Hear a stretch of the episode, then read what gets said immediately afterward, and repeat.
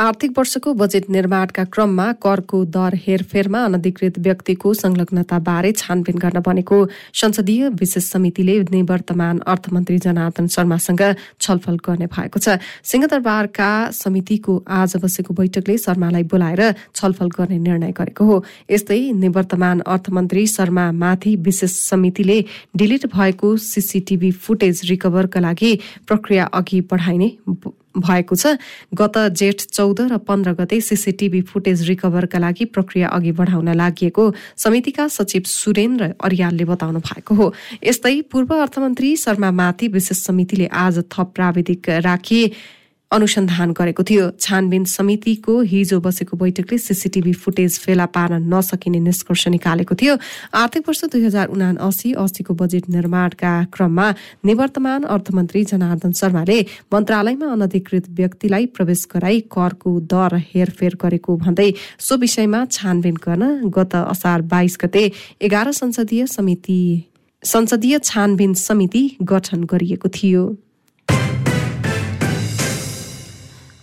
तत्कालीन Nepal communist party नेकपाको सचिवालयमा रहेको पाँच नेताहरूबीच पार्टी एकताबारे छलफल भएको छ। माओवादी केन्द्रका अध्यक्ष पुष्पकमल दाहाल र नेता नारायण काजी श्रेष्ठ यस्तै एकीकृत समाजवादीका अध्यक्ष माधव कुमार नेपाल र नेता झरनाथ खनाल तथा नेकपा एकता राष्ट्रिय अभियानका संयोजक वामदेव गौतम बीच माओवादी संसदीय दलको कार्यालय सिंहदरबारमा आज छलफल भएको हो। यसै गरी छलफलका क्रममा एकीकृत समाजवादीका अध्यक्ष माधव कुमार नेपालले अहिले गठबन्धनलाई कायमै राखेर अगाडि बढ्नुपर्ने बताउनु भएको छ। नेताहरूबीच चुनावी गठबन्धनबारे नेपाली कङ्ग्रेस र एमाले गरेको निर्णयबारे छलफल भएको बताइएको छ। यसअघि अध्यक्ष दाहालले आज नै पूर्व प्रधानमन्त्री बाबुराम भट्टराईसँग पनि सिंहदरबारमा भेटवार्ता गर्नुभएको थियो। भेटवार्तापछि सञ्चारकर्मीहरूलाई संक्षिप्त प्रतिक्रिया दिँदै अध्यक्ष दाहालले गठबन्धनको विषयमा विवादसम्ममा टुङ्गोमा पुग्नुपर्नेमा जोड दिनुभएको थियो। गठबन्धन बनाउने सन्दर्भमा अरू पार्टीसँग पनि कुरा गर्ने सहमति भएको उहाँको भनाइ थियो। त्यस्तै उहाँले आगामी निर्वाचनमा गठबन्धन गर्न कङ्ग्रेस केन्द्रीय समितिको निर्णय सही भएको पनि प्रतिक्रिया दिनुभएको थियो। नेकपा एमालेका सचिव योगेश भट्टराईले कंग्रेससँगको गठबन्धन त्यागेर एकतामा आउन नेकपा माओवादी केन्द्र र नेकपा एकीकृत समाजवादीलाई आग्रह गर्नु भएको छ। अनेरा सोबिउ केन्द्रीय कमिटी शैक्षिक विभागले आज आयोजना गरेको राष्ट्रको समृद्धिका लागि दक्ष जनशक्तिको निर्माण तथा परिचालन विषयक अन्तर्क्रिया कार्यक्रममा बोल्दै एमाले सचिव भट्टराईले नेकपा माओवादी केन्द्र र नेकपा एकीकृत समाजवादीलाई एकतामा आउन आग्रह गर्नु भएको हो। तत्कालीन नेकपाका नेताहरू एक ठाउँमा आउनुको विकल्प नभएको भट्टराईको भनाइ छ। विगतको डेढ वर्षलाई इतिहासको कालो वर्षका रूपमा छोडिदिएर बिर्सनु पर्ने उहाँले बताउनुभयो। सचिव भट्टराईले देशमा राष्ट्रिय सामर्थ्य भएको शक्ति चाहिएको जिकिर गर्नुभयो। देशमा राष्ट्रिय शक्ति नभएमा साम्राज्यवादीहरूले सबै प्रणाली खाइदिने उहाँको तर्क थियो। प्रतिनिधि सभाको शिक्षा तथा स्वास्थ्य समितिमा युगमाय आयुर्वेद विश्वविद्यालय विधेयक दुई हजार छयत्तरलाई पारित गरेको छ। सिंहदरबारमा आज बसेको समितिको बैठकले विधेयकमाथि दफावार छलफल गर्दै पारित गरेको हो। बैठकमा सांसदहरूले विश्वविद्यालयको प्रकृति संगठनात्मक रचना लगानी लगायतका विषयमा प्रष्ट हुनुपर्नेमा जोड दिएका थिए। शिक्षा विज्ञान तथा प्रविधि मन्त्री देवेन्द्र पौडेलले विधेयकमाथि आएका सुझावहरूलाई सम्बोधन गर्ने प्रयास गर्ने बताउनु भएको थियो।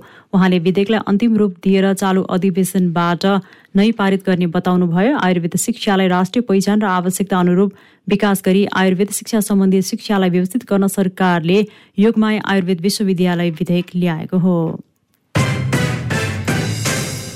राप्रपाका चार नेताले पार्टी परित्याग गरेका छन्। दिलनाथ गिरी श्याम तिमल सिन्हा केशवराज श्रेष्ठ र दिल विकास राज भण्डारीले आज प्रेस विज्ञप्ति जारी गर्दै साधारण सदस्य समेत नरहने गरी पार्टीबाट अलग भएको जनाएका हुन्। पार्टीभित्र अपमानित र निरीह भएर पार्टीभित्र बस्न सक्ने अवस्था नरहेको उहाँहरूले विज्ञप्ति मार्फत जनाउनु भएको छ। पार्टीलाई नयाँ ढंगले लैजाने र वृहत एकता बनाउने अभियान शुरू गर्ने प्रस्ताव गर्दा उल्टै पार्टी हित विपरीत लागेको आरोप लगाएकाले आफूहरूलाई अपमान महसुस भएर पद परित्याग गरेको दिननाथ गिरीले बताउनु भएको छ। यता पार्टीमा गलत गतिविधि गरेकाले उनीहरूलाई कार्यवाही गर्ने प्रस्ताव पार्टीको बैठकमा पेश भएको थाहा पाएपछि उनीहरूले पार्टी परित्याग गरेको हुन सक्ने राप्रपाका प्रवक्ता मोहन श्रेष्ठले जिकिर गर्नु भएको छ। प्रतिनिधि सभा अन्तर्गतको विकास तथा प्रविधि समितिको वैज्ञानिक आधारमा बस्ती विकास सहरी योजना तथा भवन निर्माण सम्बन्धी मापदण्डलाई परिमार्जन गर्न सरकारलाई निर्देशन दिएको छ। सिंहदरबारमा आज बसेको समितिको बैठकले बहत्तर सालको भूकम्पपछि तयार पारेको मापदण्डमा भएका प्रावधानहरूलाई दुई हजार अठहत्तर सालमा गरेको पुनः संशोधनले मापदण्डका प्रावधानहरू अझ साँघुरो र सङ्कुचित बनाएको भन्दै परिमार्जन गर्न सरकारलाई निर्देशन दिएको हो। मापदण्डहरू दीर्घकालीन रूपमा प्राकृतिक प्रकोपहरूबाट जोगिने वातावरण मैत्री बनाउनु पर्नेमा समितिले जोड दिएको। सभापति लक्ष्मणलाल कल्याणी खड्काले जानकारी दिनुभयो। बैठकले दीर्घकालीन योजना र दृष्टिकोणका आधारमा एकीकृत मापदण्ड बनाई कार्यान्वयन गर्ने गरी प्रदेश सरकार स्थानीय तहलाई निर्देशन गर्न पनि शहरी विकास मन्त्रालयलाई निर्देशन दिएको सभापति खड्काले जानकारी दिनुभयो। बैठकमा शहरी विकास मन्त्री मेटमणि चौधरीले मापदण्डमा देखिएका कमी कमजोरीलाई परिमार्जन गर्ने बताउनुभयो। उहाँले शहरी नीति पनि अन्तिम चरणमा पुगेको बताउनुभयो। बैठकमा समिति सदस्यहरूले सरकारको एकीकृत बस्ती विकास तथा शहरी विकास योजनाहरू प्रभावकारी रूपमा अघि बढ्न नसकेको भन्दै सरकारको ध्यान आकर्षण गराएका थिए। प्रतिनिधि सभा अन्तर्गतको महिला तथा सामाजिक समितिले अपेक्षा अनुसार प्रभावकारी कार्य सम्पादन गर्न महिला आयोगलाई निर्देशन दिएको छ। सिंहदरबारमा आज बसेको समिति बैठकले आवश्यक समन्वय र सहकार्य गर्न नसकेका कारण आयोगबाट प्रभावकारी कार्य सम्पादन हुन नसकेको भन्दै अपेक्षा अनुसार प्रभावकारी कार्य सम्पादन गर्न निर्देशन दिएको हो। पीड़ित महिलाको अपेक्षा अनुरूप थप संवेदनशील भएर कार्य सम्पादन गर्न बैठकले निर्देशन दिएको। समितिका सभापति सभापति निरुदेवी पालले जानकारी दिनुभयो। आयोगको सम्पर्कमा आएका पीड़ित महिलाले आवश्यक न्यूनतम सहयोग समेत प्राप्त गर्न नसक्नु दुःखको विषय रहेको समितिको ठहर छ। बैठकमा आयोगका अध्यक्ष कमला कुमारी पराजुलीले गत आर्थिक वर्षमा महिला माथि भएका विभिन्न हिंसाका एक हजार चार सय चौसठी घटना दर्ता भएको जानकारी गराउनु भएको थियो। उहाँले आयोगले प्रस्ताव गरेका कार्यक्रम स्वीकृत नहुँदा बजेट नै फ्रिज हुनु दुःखद भएको बताउनुभयो।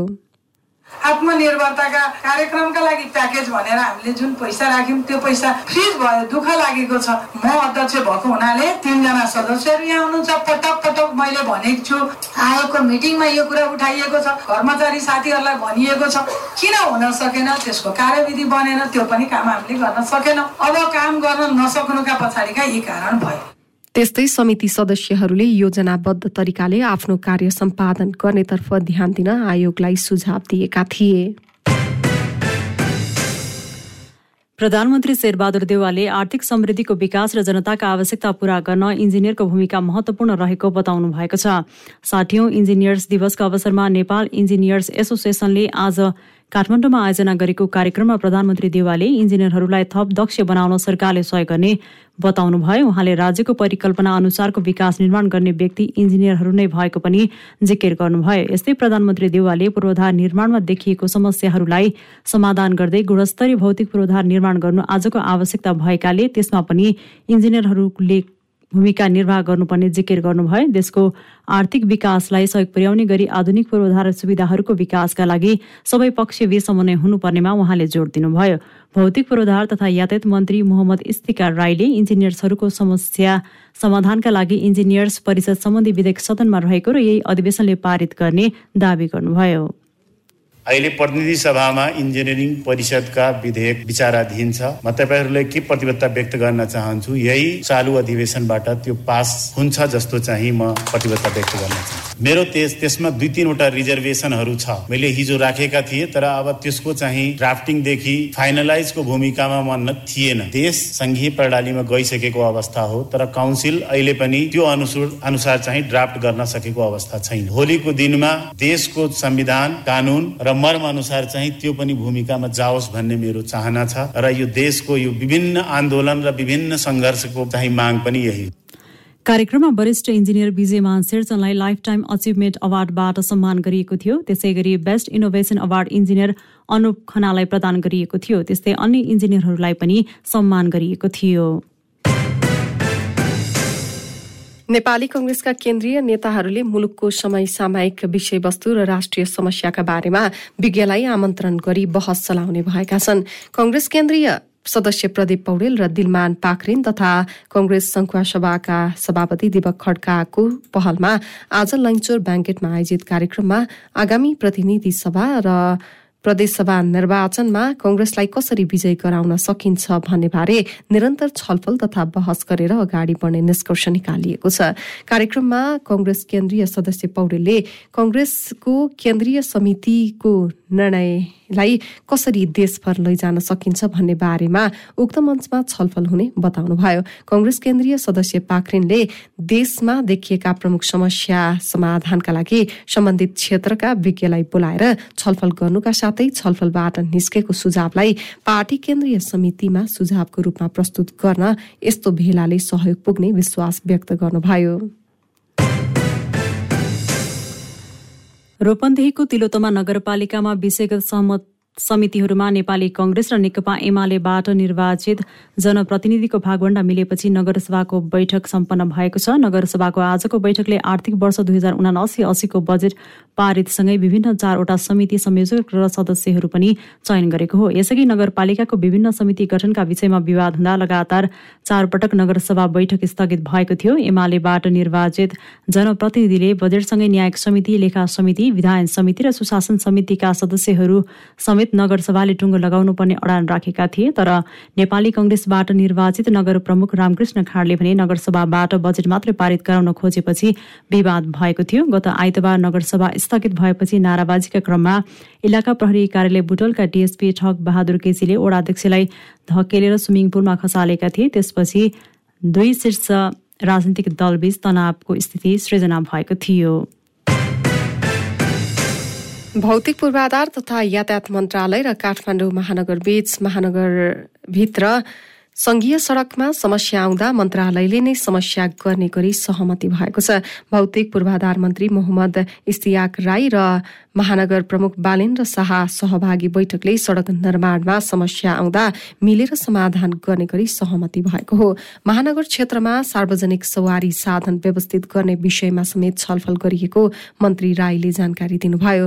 मन्त्रालयले संघीयता कार्यान्वयन नहुँदा यातायात व्यवस्थापनको सबै विषय मन्त्रालयले हेर्ने गरेकोमा अहिले अन्तर प्रदेशको यातायात मात्रै मन्त्रालयको कार्यक्षेत्रमा रहेको उहाँले बताउनुभयो।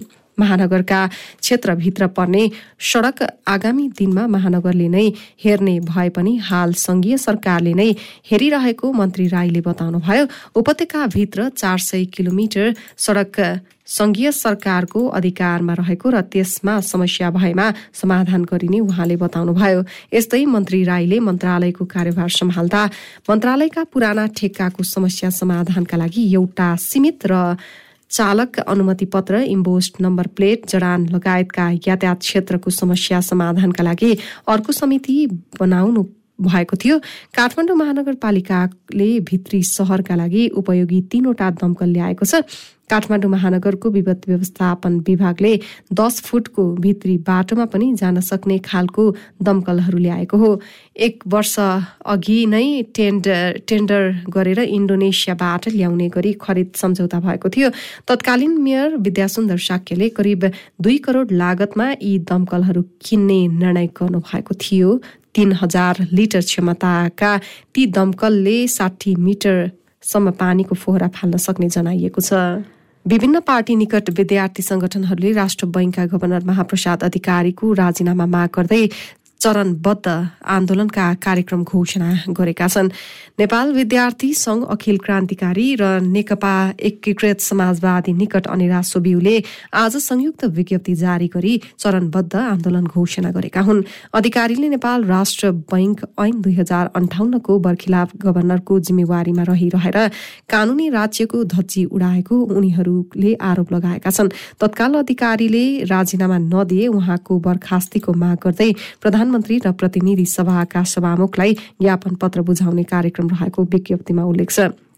त्यस्तै यही साउन चार गते नेपाल राष्ट्र बैंक केन्द्रीय कार्यालय सहित देशभरिका शाखा कार्यालयहरूमा कालो ब्यानर राख्ने पाँच गते प्रज्ञा भवन डबलीमा कार्टुन प्रदर्शन गर्ने तथा अन्तर्क्रिया कार्यक्रम गर्ने छ गते देशैभरि क्याम्पसहरूमा आफ्नो सापेक्षतामा विरोध कार्यक्रम गर्ने विज्ञप्ति मार्फत जनाइएको छ।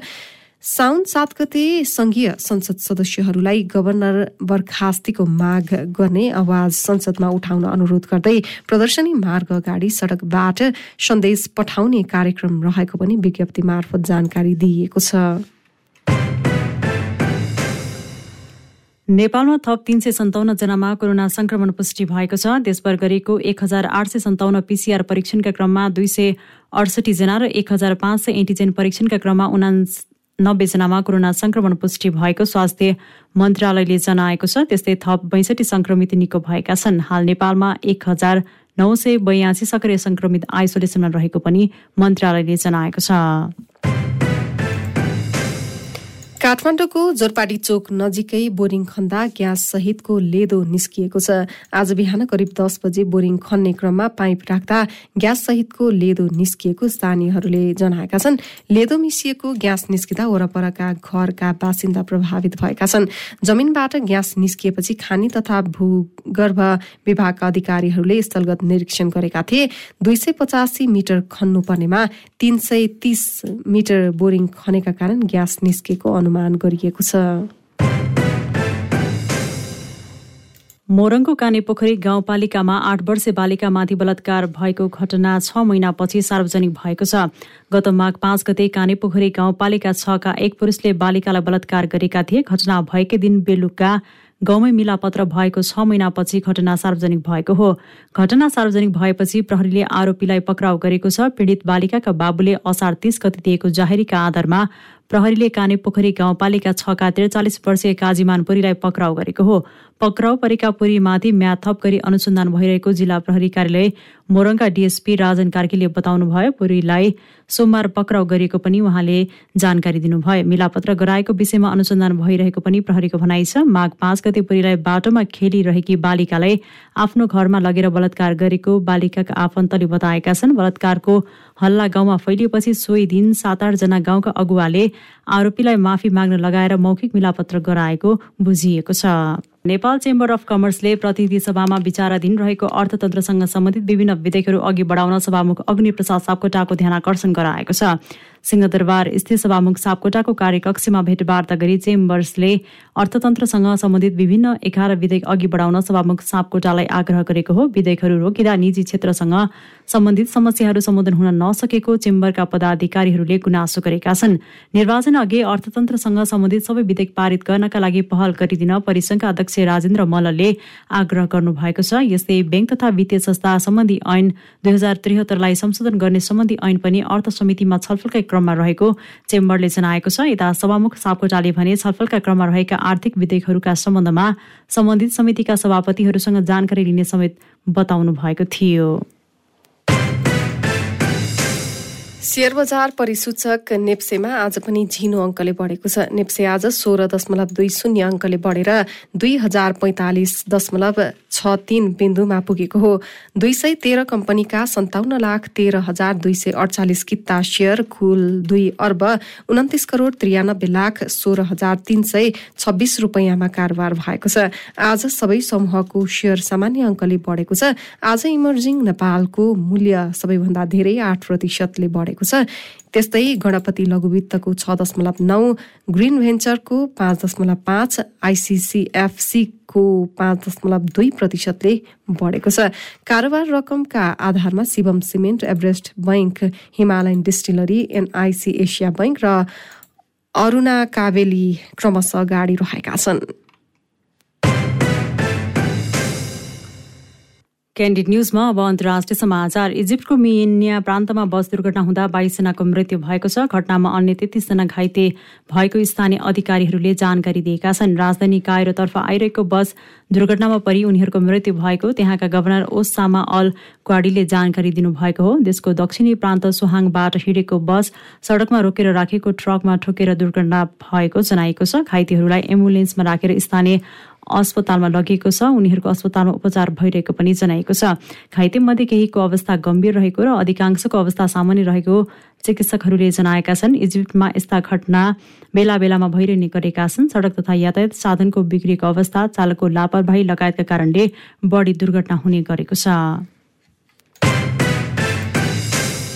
बेलायतमा आज तापक्रम उन्चालिस दशमलव एक डिग्री सेल्सियस एक सय दुई दशमलव चार डिग्री फरेनहाइट तापक्रम रेकर्ड गरिएको छ। मौसम विज्ञान निकाय मौसम कार्यालयका अनुसार यो तापक्रम यस वर्षको सबैभन्दा उच्च हो। ग्याटविक एयरपोर्टमा रेकर्ड गरिएको यसअघिको अडतिस दशमलव सात डिग्री सेल्सियसको रेकर्डलाई तल पार्दै उच्च बिन्दुमा पुगेको छ। साथै युरोपमा यस वर्ष उच्च गर्मीको लहर आउने प्रक्षेपण गरिएको छ। तापक्रम बढेसँगै बेलायत सरकारले सतर्क रहन सबैमा आग्रह गरेको छ।